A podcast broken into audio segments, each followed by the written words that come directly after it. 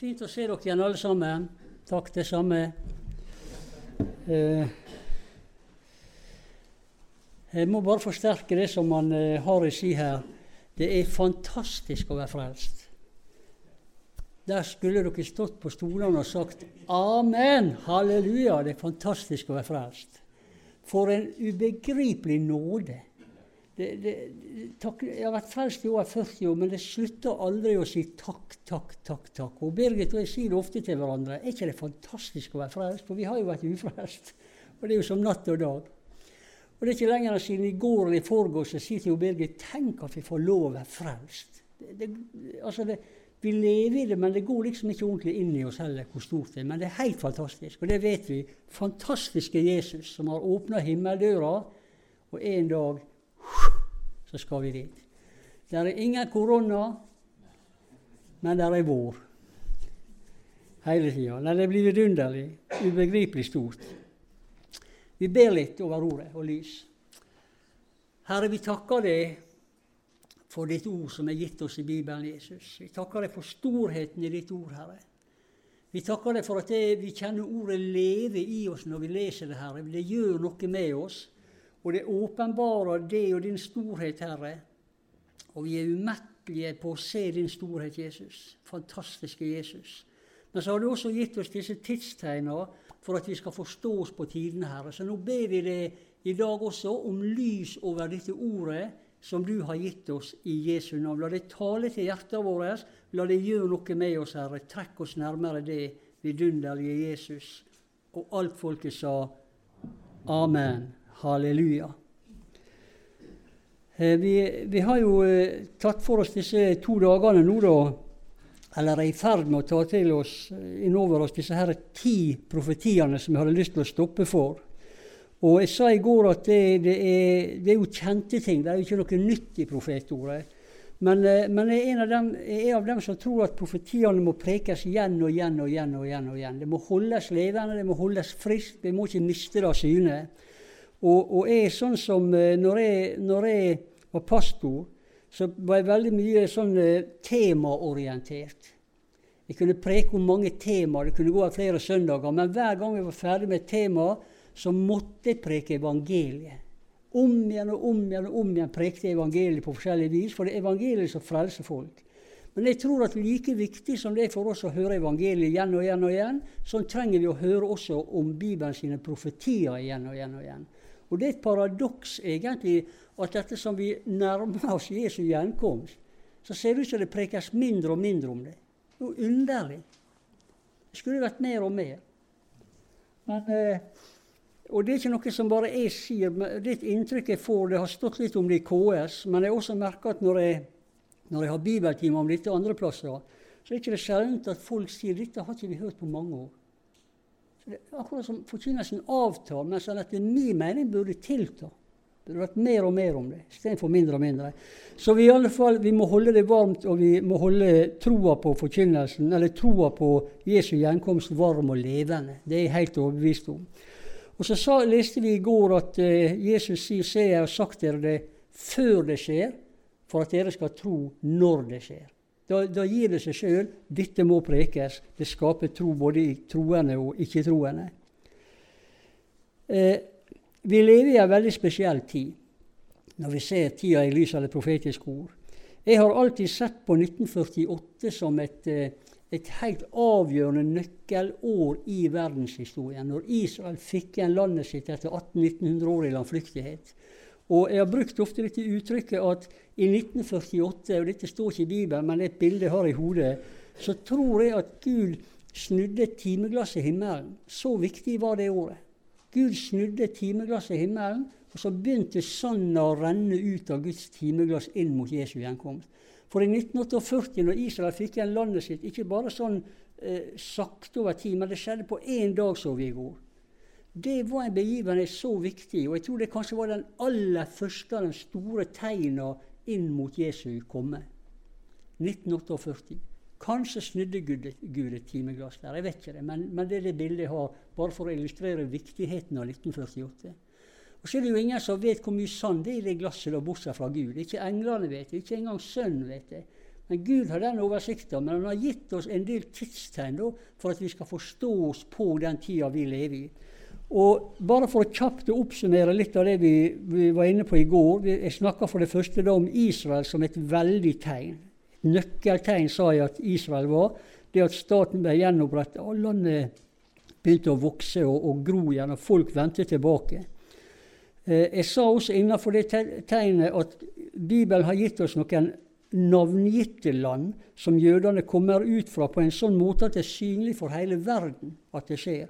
Jeg nevnte land i nord, og jeg nevnte eh, Etiopia. Dere fikk en rekke skriftord på disse i går. Så sa jeg også at eh, når Gud henter jødene, så ser det ut som han gjør det på to forskjellige måter, kanskje også flere. Jeremias 14 sier at det, først skal jeg sende buda til fiskere, så skal jeg sende buda til jegere. Så det ser ut som at det er både denne magnetismen og, og, og sionismen spilte jo en viktig rolle her, som trakk jøder tilbake til Israel.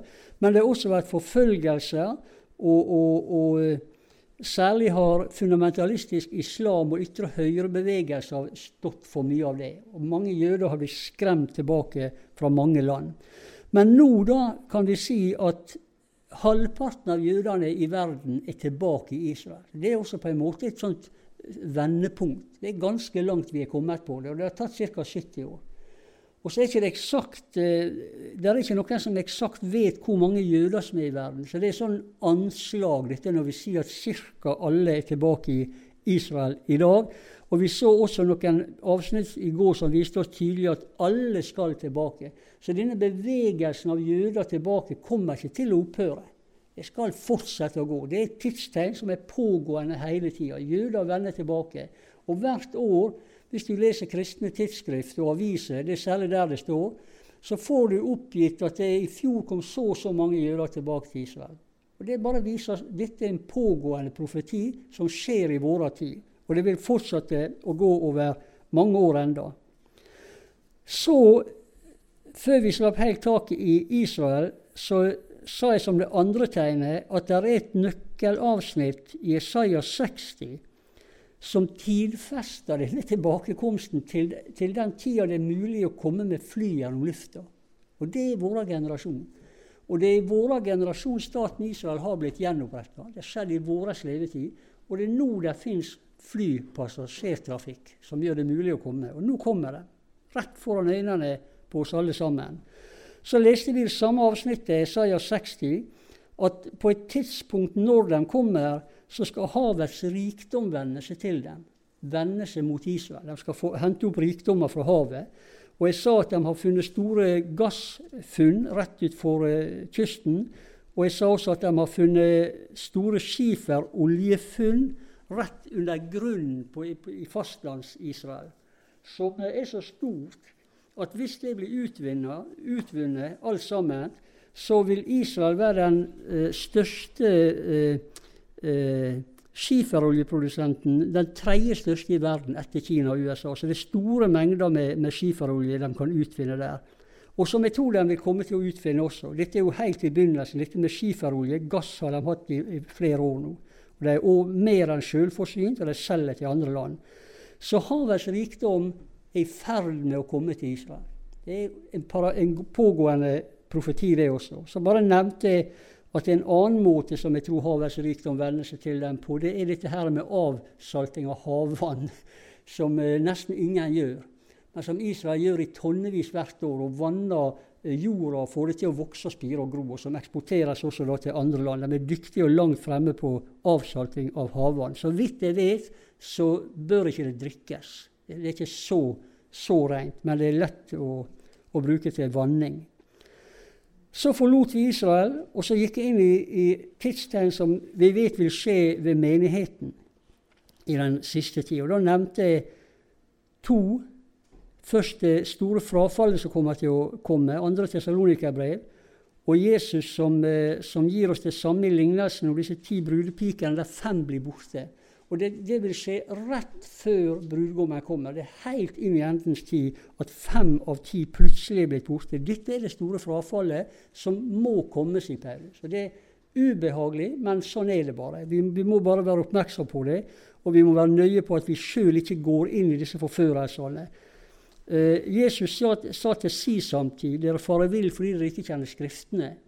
Og Det er det som er viktig nå også. Vi må kjenne Skriftene, og vi må holde fast på Skriftene. Uansett hva ei religiøs tidsånd måtte si, så må vi holde fast på Skriftene. Det er Skriftene alt vil bli veid mot til syvende og sist. Skriftene står, og Skriftene gjelder. Så, så er det parallelt med dette store, dette store, frafallet, så vil vi også se Og jeg tror det frafallet sannsynligvis vil gå i den gamle kristenheten i Vesten. Ser sånn ut så langt. Men parallelt med dette så vil også menigheten vinne sine aller største seirer, nemlig innenfor misjon, når evangeliet skal nå ut til hver tunge stamme, folk og ett. Og Jeg tror vi kommer til å se masse mennesker frelst innover mot enden. Det er ikke noen motsetning mellom frafall på den ene sida og store vekkelser på den andre sida. Og det kan godt bli vekkelser, det kan godt bli lommer vekkelser innenfor frafallslandet også. Alt er mulig. Det er mange som ber. Så vi må bare være åpne for det Den hellige ånd gjør. Og som han Rick Warren sa, vi må kaste oss på bølga når hun kommer. Det skulle dere også si. Ja, det haster ikke. Hadde jeg vært på Østlandet nå, så hadde folk sagt 'Amen'. Det er ofte helt annen lynne. Vi vestlendinger vi har bakoversveis, for vi er så vant til motvind fra havet. vet du, så vi... Vi er bare så vant til å stirre ut mot horisonten og vente, så, men vi sier ingenting. Vi bare ser på hva som kommer, neste lavtrykket. Det er det vi er vant til, så vi roper ikke så høyt når det kommer. Men det, det kan skje mye spennende ennå. Så, så misjonsbefalinga skal fullføres. Den er jo klar. Helt tydelig. Hvis dere noterer Jeg nevnte ikke det i går, men hvis dere noterer på dette med misjon som et tidstegn, det er jo mye mer enn det, så er det Matteus 24, 14, det er Matteus 28, 19-20, og det er Johannes' åpenbaring 5, 9-10. Der finner du litt om disse tingene. Så tror jeg vi bare skal fortsette litt. Og jeg, jeg, sa vel i går også at det er nok ikke sannsynlig at vi kan rekke gjennom alle disse ti profetiene som jeg tenkte, men iallfall to-tre ting vil jeg prøve å få plass til nå. Og Da er det, det sjette, den sjette profetien vi kommer til nå, da, som jeg har lyst til å nevne. Og nå, Det som jeg har sagt hittil, det, har på en måte, det ligger i historien bak oss. Det er allerede oppfylt. Israel har fått igjen landet sitt. De kommer tilbake. De har kommet tilbake fra navngitte land. Men nå beveger vi oss litt inn i fremtida. Og hvor langt inn i fremtida vet ikke vi. Men jeg tror at et et mektig, stort og fysisk håndpåtagelig tegn som vil bli oppfylt, det er den dagen tempelet i Jerusalem står ferdig gjenreist. For det skal komme. Det er, et, det er, et, fysisk mektig tegn. Det er ikke snakk om tolkninger og følelser. Men hvis tempelet blir bygd opp igjen, og det står i Jerusalem, blir innvidd, da er en viktig profeti i Bibelen oppfylt. Så, så tempelet og tempelplassen er, er, plasser vi må holde øye med i åra fremover i denne sammenhengen her. Og Da skal du få et par-tre skriftord på dette som er veldig tydelige. Det første altså er eh, 2. Tessalonikerbrev 2,4. Det er jo dette kjente som dere sikkert ofte har hørt, eh, om, om Antikrist, som vi tror dette er. 2,4. Han som står imot og opphøyer seg over alt som kalles Gud og helligdom, så han settes i Guds tempel og gir seg sjøl ut for å være Gud. Så det betyr at i antikristi tid så må tempelet være på plass i Jerusalem. Nå er jo dette prekt før tempelet ble revet ned. Det er skrevet før tempelet ble revet ned. Det ble jo revet i år 70, og dette er skrevet en gang antagelig på 50-tallet. Så det går an å spekulere i ja, men kan ikke dette ha blitt oppfylt når tempelet sto første gangen? For det var jo tross alt 15 år enda til det ble revet ned. Men det er bare det at i Johannes' åpenbaring så følges dette opp i kapittel 11. Og Johannes' åpenbaring er skrevet 20 år etter at tempelet ble nedrevet. Så når han ser tempelet på plass her, så er det borte. Og da skjønner vi det må komme igjen i endens tid. Så i åpenbaringa 11, fra vers 1 altså, til eh, eh, 2, ja, 1 og 2. Åpenbaringa 11, 1 og 2. Og det ble gitt med et rør, sier han, og nå ser han inn i endens tid. Akkurat som en stav. Og det ble sagt stå opp og mål Guds tempel og alter og den som ber der. Men forgården utenfor tempelet, du ser dette veldig detaljert og tydelig. La den være og mål den ikke, for den er gitt til hedningene. Og de skal trede ned den hellige stad i 42 måneder, som er tre og et halvt år. Og dette har jo med Daniels bok og denne siste årsuka å gjøre. Vi skal ikke gå inn i alle disse, disse årstallene og dagene og månedene. Men det er helt tydelig når du leser hele åpenbaringa av Daniel, så, så, refereres det her til tre og et halvt år som er en del av trengselstida. Og i den tida så ser Johannes tempelet på plass igjen i Jerusalem. Og når han ser dette, så ligger det revne i ruiner, i steiner utover alt. Så det er helt tydelig at dette er et fysisk tegn. Tempelet blir gjenreist i Jerusalem. Det er et mektig tegn. Og Hvis du også bare tar med det siste på dette punktet, eh, altså i Esaias 63, 18, Hvis du legger frem det, Esaias 63, 18 kan dere notere. Kan bare si at hele siste delen av Isaias handler om Messias sitt komme, og om Jerusalem, om ting som skal skje i endens tid. Veldig interessante avsnitt. Men i dette ene kapittelet da, og i 18. verset så står det en liten stund har ditt hellige folk hatt land i eie, nemlig bare fra 1948, kan vi si i dag med oppfyllelsens lys over det. Våre motstandere har da allerede tråkka ned en helligdom, akkurat som Johannes så. Skal ligge nedtrådt av hedninger. Det er det Isaias også sier. og Dette her er 500 år før Kristus. Men likevel så har han et profetisk lys og setter han helt inn i endens tid og er helt tydelig på at helligdommen er på plass. Mange av i, i, eller mange av versene i Isaias skriver om det samme. Så vi kan si med sikkerhet tempelet må tilbake i Jerusalem. Så kan han spekulere på hvordan i all verden skal det kunne skje. Der står jo i dag Klippemoskeen på Tempelplassen, og der er andre, andre eh, moskeer i utkanten. der, Så hvordan skal tempelet kunne gjenreises på Tempelplassen? For det er der det kommer. Vel, det vet ikke vi. Og det har vært, mye, det har vært bøker skrevet om, skrevet om dette. og og mye, mye, fascinerende teorier. men skal vi, vi, skal lese det, men vi må være varsomme. Vi må ikke gå utover det som står skrevet, iallfall ikke når vi preker om det, for da kan det bli spekulasjoner og mye rart. Men at at det kommer, det er ingen tvil om. Og jeg tror at den dagen tempelet begynner å bli gjenreist og stå ferdig, så vil det bli en kjempevekkelse i hele den jødiske verden eh, ut i diasporaen. Det vil bli en dragning tilbake til Jerusalem som jødene aldri har opplevd tidligere. Da skal vi virkelig få se denne her duedragninga tilbake til, til dueslaget. Og De kommer til å flomme tilbake så mye som landet bare kommer til å ta unna. Fordi det vil bli en, en religiøs, nasjonal vekkelse i hele diasporaen. Vi må tilbake til Jerusalem. Tempelet er på plass. For sannheten er at jødene ute i verden, i dag også i Jerusalem, der er flere foreskrifter i loven som de ikke kan eh, betjene hverandre med uten at tempelet står der. Tempelet er det viktigste i hele jødedommen. Eh, det er mye viktigere enn at vi har kirke. Mye større med tempel enn, enn at vi har kirke. For, for jødene har jo også moskeer i hele verden og Israel.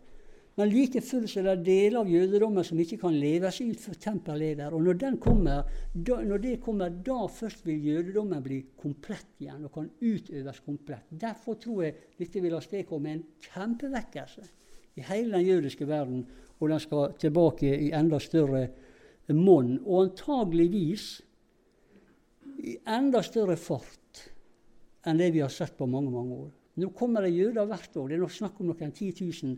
Men kommer til, tror jeg vi kommer til å få se bølgene igjen. Og det kan forkorte tida. Eh, det står et sånt underlig vers ble ikke de dager forkortet, så ble intet kjød frelst. Det, er nesten ikke mulig å skjønne. Hva vil det si at dagene kortes ned?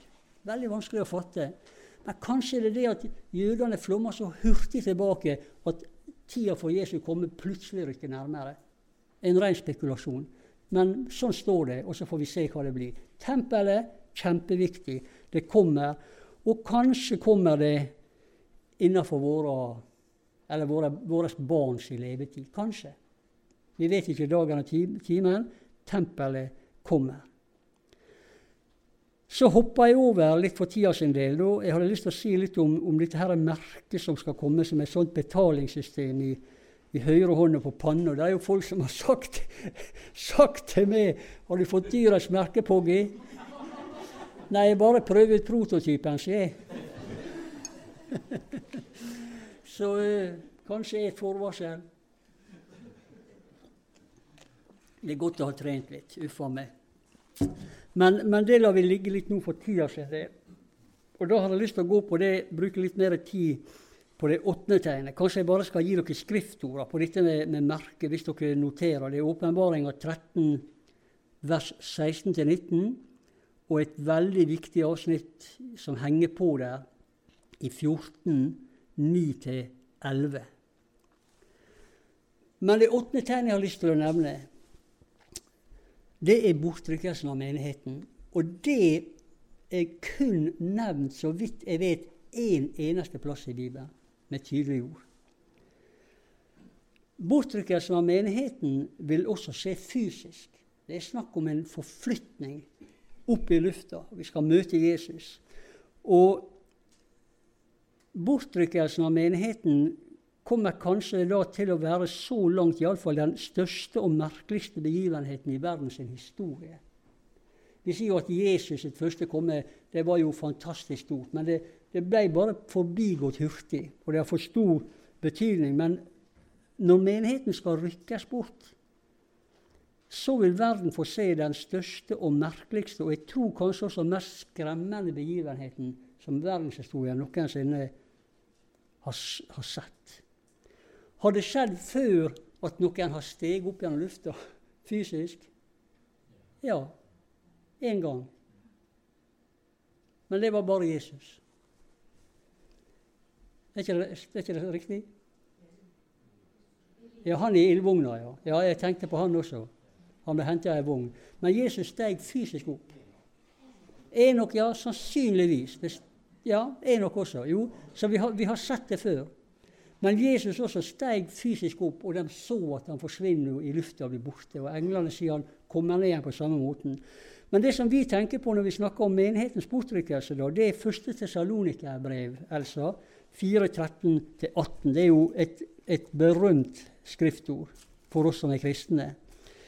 Og dette er kanskje det eneste skriftordet hvor dette her nevnes helt konkret. Iallfall som jeg kommer på i farta. Det er her vi har tanken om bortrykkelsen av menigheten ifra. Og når vi først har det her, så kan vi også lese det inn i andre bibelvers. Men jeg kan ikke se at det står tydelig om det, på, jo, muligens i Korinterbrevet bl.a. Eh, at det kan også stå sånn.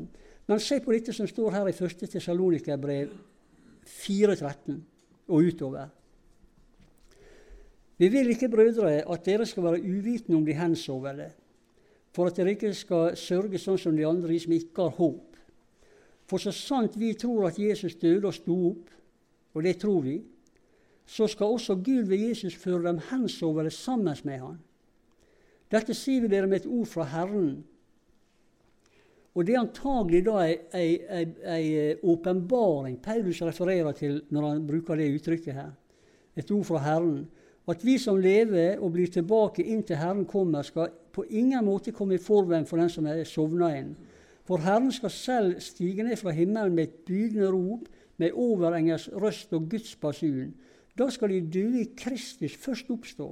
Deretter skal vi som lever og blir tilbake sammen med dem rykkes i skya opp i lufta for å møte Herren. Og så skal vi alltid være sammen med Herren. Trøste hverandre med disse ord. Og Hvis du, hvis du også leser, legger opp eh, Johannes 14, 1-3 Johannes 14, 1-3, så kan vi lett lese inn bortrykkelsen i dette når vi først har det så tydelig som vi har det fra Paulus. 14, 1-3. Vær ikke redd, sier han. Tro på Gud, tro på meg. Det, det også indikerer at, uh, at, det kan bli my, mye farlige tider for kristne gjennom, gjennom tidene. Deres hjerte forferdes ikke, sier han. Hold fast på troa. Tro på Gud, tro på meg. I min fars hus er det mange rom. Var det ikke slik, så hadde jeg sagt dere det.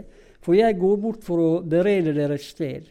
Og når jeg har gått bort og beredt dere et sted, kommer jeg, kommer jeg igjen og vil ta dere til meg, for at også dere skal være der jeg er. Og han var jo nå på vei til himmelen.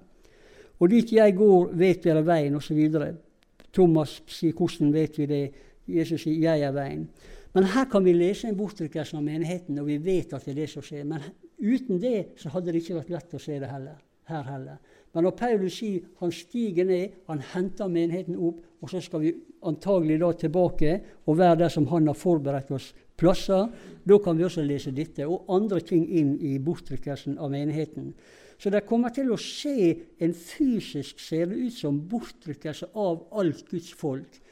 Og når det skjer Nå, nå er det jo flere hundre millioner antagelig kristne, gjenfødte mennesker i verden i dag. Det er jo en, en, en nominell, et nominelt antall innbyggere i kristne land på allerede over 2,2 milliarder. Men det er ikke alle disse som er gjenfødte mennesker. Jeg var jo en av dem som ikke var frelst, men som har blitt det. Men det er antatt å være flere hundre millioner kristne mennesker, gjenfødte mennesker, kanskje borti en milliard. Og selv om de skulle halveres med, med fem, fem, dårlige jomfruer, jomfru, så vil det likevel være flere hundre millioner mennesker som en dag skal rykkes opp. Og det, står at det, og det er sikkert med tanke på antallet at det vil være som skyer av mennesker som stiger opp og blir borte i himmelen. Og hentes da, tror vi, tilbake til himmelen, der Jesus har gjort i stand rom og plass til oss, og så ser det ut som at vi kanskje da skal begynne å feire det som vi kaller for lammets bryllup, selv om det vil pågå i begynnelsen av tusenårsriket, som vi leser i Johannes' åpenbaring. Men menigheten blir iallfall henta opp på et tidspunkt. Jeg tror personlig Og nå kan du legge opp eh, Matteus 24, Elsa. Hvis dere noterer, så er det Matteus 24, eh, 29-31. Jeg tror personlig at menigheten vil bli rykt bort før denne veldige trengselen som går over verden. For jeg tror menighetens bortrykkelse er egentlig en redningsaksjon. Og vi må, vi må, lese et vers her i Matteus 24 som blir veldig misforstått av mange. Det er viktig å, å nevne dette her. For det er noen som hevder at, at bortrykkelsen av menigheten vil ikke skje før trengselen er over, at menigheten skal gjennom trengselen, og da bruker de dette verset med stor tyngde. Eh, 29. Straks etter de dagers trengsel, straks etter, skal sola formørkes, månen skal ikke gi sitt skinn, eh, stjerner skal falle ned fra himmelen, himmelkreftene skal rokkes. Da, etter trengselen, skal menneskesønns tegn vise seg på himmelen. Eh, og da skal alle jordens slekter jamre seg, og de skal se menneskesønnen komme i himmelens skyer med kraft og stor herlighet. Det er Jesu fysiske komme til Oljeberget etter trengselen. Da skal han sende sine engler med basunens veldige røst, og de skal samle hans utvalgte fra de fire verdenshjørnene, fra himmelbryn til himmelbryn. Her er det mange som leser inn bortrykkelsen av menigheten etter trengselen. Men dette handler ikke om bortrykkelsen av menigheten. Her legger Jesus ut Esaias 11 og bruker ord som er kjente for jødene, og dem visste med en gang hva han snakka om når han nevnte dette. For i, for i Esaias 11 så finner du en profeti om tusenårsriket. Hele kapittelet handler om tusenårsriket. Guds ånd skal hvile over Messias, han skal komme med visdom og forstand. Ulven skal bo med lammet, leoparden hos kjeet, ku og bjørn skal beite sammen. Så er det en rekke ting. Ingen skal gjøre noe ondt på hele Guds hellige berg, for jorden er full av Guds kunnskap, slik som vannet dekker havets bunn. Og eh, fra vers 10, da, hvis du, hvis du legger opp fra vers 10, Isaias 11, 10, så kommer vi til det avsnittet som Jesus legger ut her i Matteus 24. På den tid skal hedningene søke opp til Isais rotskudd, som står som et banner for folkeslaget, hans bolig skal være herlighet. På den tid skal Herren en gang rekke ut sin hånd, enda en gang rekke ut sin hånd, for å, for å hente inn levningene, altså restene av sitt folk, jødefolket, som blir redda ut fra Syria, Egypt, det står en rekke land her. Og i vers 12 og han skal løfte et banner for folkeslaga, og han skal samle den fordrevne av Israel og sanke inn de avspredte av Juda fra jordens fire hjørner. Dette er det Jesus refererer til i Matteus 24 når han sier straks etter de dager fengsel. Da skal han hente inn de aller siste jødene.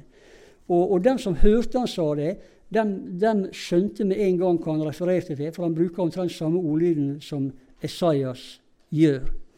Så jeg tror personlig at dette verset misforstås av mange som hevder at bortrykkelsen vil skje etter trengselen. Jeg tror den vil skje i forkant av trengselen. Og Det er flere grunner til at jeg tror bortrykkelsen må skje ved at Jesus stiger ned og henter oss vekk og ut fra jorda. For det første så tenker jeg, og, og dette kan ikke vi gå inn i, det er mange mange bibelvers, men i tanken min så er det sånn at når bortrykkelsen av menigheten en dag skjer, da, så vil det være det som gjør at Daniels 70. årsuke begynner å tikke og gå. Dette vet dere som kjenner Daniels bok. Det er det ene. Så tror jeg at noe av hensikten med bortrykkelsen er at menigheten skal reddes ut av verden før Guds vrede begynner å skje som store trengselskatastrofer over verden. Første Tessalonikerbrev, altså. 1, 9-10 kan du legge opp. Jeg tror at hovedhensikten med, med bortrykkelsen er at menigheten skal reddes ut av vredestida som går over verden i den store trengselen. Har du den?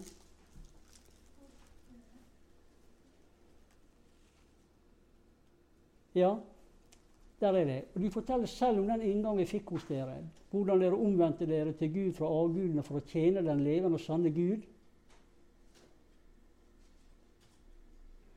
og vente på Hans Sønn fra himlene, Han som Gud oppvekte fra de døde, Jesus Kristus, Han som frir oss fra vreden som kommer. Så jeg tror at menighetens bortrykkelse rett og slett er en redningsaksjon der menigheten reddes ut før disse vredeskatastrofene og domskatastrofene går over verden. Trengselstida og, og de åra fremover der kalles jo mange plasser for Herrens vredes dag. Og så tenker jeg også at det, Hvis vi hypotetisk da skal tenke oss at menigheten ikke skal bortrykkes før etter trengselen, så tenker jeg for det første da vil det jo knapt være noen som kan rykkes bort. Fordi at det, alle som tar dette dyrets merke, da, som ikke har rekt å komme inn på, den vil jo bli drept. Nei, alle, ja, alle som tar dyrets merke, vil gå fortapt. Det er jo helt tydelig. Og den som ikke tar det, vil bli drept, og den får ikke kjøpe eller selge eller handle. Så det blir masse mennesker som dør ut også. Og hvem skal da rykkes bort etterpå? Hvis menigheten enten har tatt merket og, og går fortapt, eller blir drept og, er, og, ikke er der lenger. Hvem skal da rykkes bort etterpå? Det blir nesten ingen igjen. Men menighetens bortrykkelse vil, vil skje i svære skyer av mennesker. Og så kan, kan, vi også spørre hvis bortrykkelsen skjer etter trengselen, hva er da hensikten? Da blir jo det bare Det blir bare en liten flytur. Opp og møte Jesus ned igjen. Hva er da hensikten med bortrykkelsen? Nei, det må være noe mye større enn bare opp og fly og ned igjen. Vi skal mer enn ut og fly, for å si det sånn. Vi skal reddes ut, og vi skal bort, og vi skal være vekk i lang tid. Og Hvis du leser Esaias 26, det rekker ikke vi nå, så vil du også finne en del om dette. Esaias 26. Tanken på bortrykkelsen, og det at den kan skje i et blunk, i et nu, et øyeblikk, det er på en måte et kall til omvendelse. Det er et vekkerop til omvendelse. Det er et vekkerop til å tenke jeg er klar for å møte Jesus uten forvarsel. Han, Harry nevnte det her i sted. Du dåre, i denne natt Enn om din sjel blir krevd denne natta, er du da klar for det? Det er sånne tanker eh, bortrykkelsen av menigheten vekker i oss. Det er et vekkerop for verden, og det er et vekkerop over menigheten om å være reiseklar når tida er der. Ingen kjenner dagen eller timen. Ikke engang sønn. Det er underlig. Ikke engang Jesus kjenner dagen eller timen. Derfor må vi alltid være klar, og det er det tanken på bortrykkelsen vil gjøre oss. Og så det siste punktet vi har lyst til å nevne i dag. da, Det tiende. Jeg hopper også over nummer ni for tida. Og du skal få bibelverser hvis du vil notere.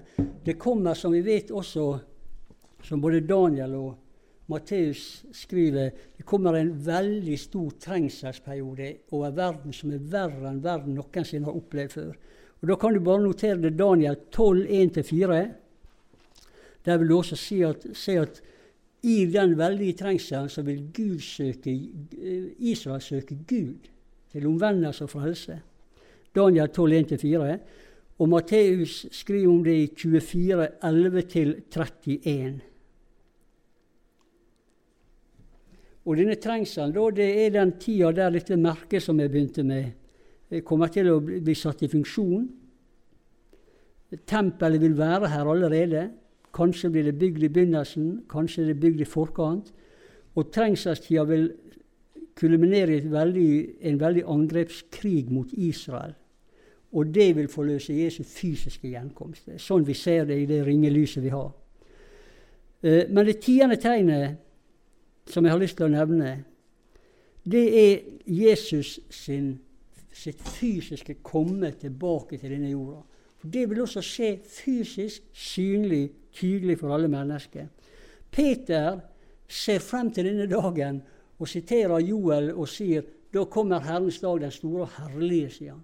Han ser for seg Jesu gjenkomst noe helt fantastisk. Vi skal jo være midt i sentrum av begivenhetene.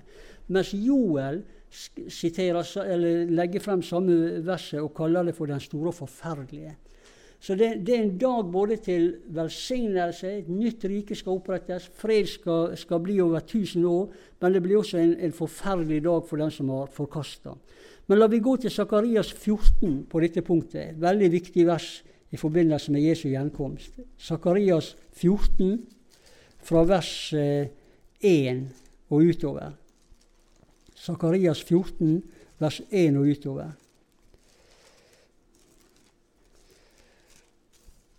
Nå, nå, vi, nå, er vi helt inne i tida for Jesu fysiske gjenkomst. Og der står det sånn Sakarias 14, 1 og utover. Ja, det går bra. Se, det kommer, sier Sakarias. og ser han i ånden.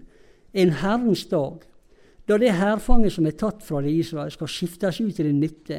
Jeg skal, for jeg skal komme til å samle alle hedningefolka til krig mot Jerusalem. Byen blir tatt, hus blir plyndra, kvinner skjenda. Halvparten av byen skal måtte gå ut i ny landflyktighet. Men resten av folket skal ikke utryddes av byen. Det er jo også denne halvparten som skal hentes inn igjen, som jeg leste fra Isaias 11, hvor de skal hentes fra nærområder, men de skal hentes tilbake igjen i, i begynnelsen av tusenårsriket. Eh, for Herren skal dra ut på denne dagen her og stride mot disse hedningefolka, som han før har gjort på kampens dag. Det er referanse til en annen tidligere krig. På den dagen som Jesus da fysisk stiger tilbake, som vi leser dette inn i, skal hans føtter stå på Oljeberget, som ligger midt imot Jerusalem i øst. Og Oljeberget skal revne, over, skal revne tvers over mot øst og vest. Og det vil, det vil revne til en stor dal for den ene halvdelen av fjellet kommer til å vike nordover, andre halvdelen kommer til å vike sørover. Og Da skal dere flykte til denne dalen som oppstår mellom fjellene her. da. For dalen mellom fjellene skal nå helt ned til Asel, som, som, var en gammel by som lå ned på Middelhavssletta. Det er veldig åpning som kommer til å, å skje her på denne dagen. Da, og her er årsaken til at dette skjer, skal Herren din Gud komme og alle hellige skal være med deg, min Gud. På den dagen blir lyset borte, det herlige himmellyset skal formørkes osv. For det skal komme en, en, dag som Herren kjenner. Dere må lese gjerne hele, hele kapittelet der seinere. Ta, ta, for dere. Det er noen som har samme ringelyden som jeg har på min telefon. Men det er ikke min. Flott lyd, Kari. Jeg elsker denne lyden. Herlig. Beste lyden som finnes på hele telefonen. Så, så, det er helt tydelig at Jesus en dag skal stige fysisk ned på Oljeberget.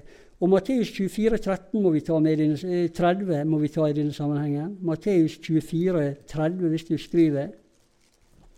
Har allerede så vidt vært inne på det. Da skal menneskesønnens tegn vise seg på himmelen, og da skal alle jordens slekter jamre seg. Det er derfor Joa skriver 'den store og forferdelige'. For da skal de se Menneskesønnen komme i himmelen med himmelens skyer med kraft og stor herlighet osv. Så, så en dag så skal Jesus fysisk stige ned igjen til Oljeberget. Det er noe av det vi vet med sikkerhet, at det kommer til å skje. Men så vet ikke vi når, men det kan ligge, og det kan ligge fjernere inn i fremtida enn vi tror. Jeg har tenkt de siste åra at jeg tror vi har vært for snart til å rykke dette inn i vår tid. For enda ser det ut som det er viktige tegn som skal oppfylles før det kan skje. Antageligvis ligger dette enda litt inn i fremtida. Men det som vil skje da, det er at dette riket som Bibelen snakker om, som skal opprettes for, Israel, det vil nå endelig komme. Og det vil avstedkomme fred på jorda i tusen år. Dette er jo Johannes' åpenbaring som gir oss disse siste detaljene som de gammeltestamentlige profetene ikke har. Men åpenbaringa gir oss disse detaljene. Fred i tusen år. Og når de tusen åra er til ende, da, det er såpass langt opp og frem at vi skal ikke gå i detalj på det, men da er det andre grupper profetier som kommer til å bli oppfylt i tidene etterpå. Men vi får konsentrere oss om disse nære tinga. Israel kommer tilbake, jødene kommer tilbake, tempelet vil komme på plass.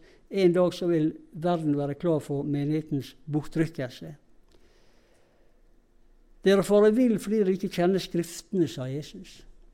Derfor så sier jeg igjen og igjen les, les, les, les. Les Skriftene, forstå Skriftene. Det er det viktigste dokumentet vi har på denne kloden. Det er Bibelen.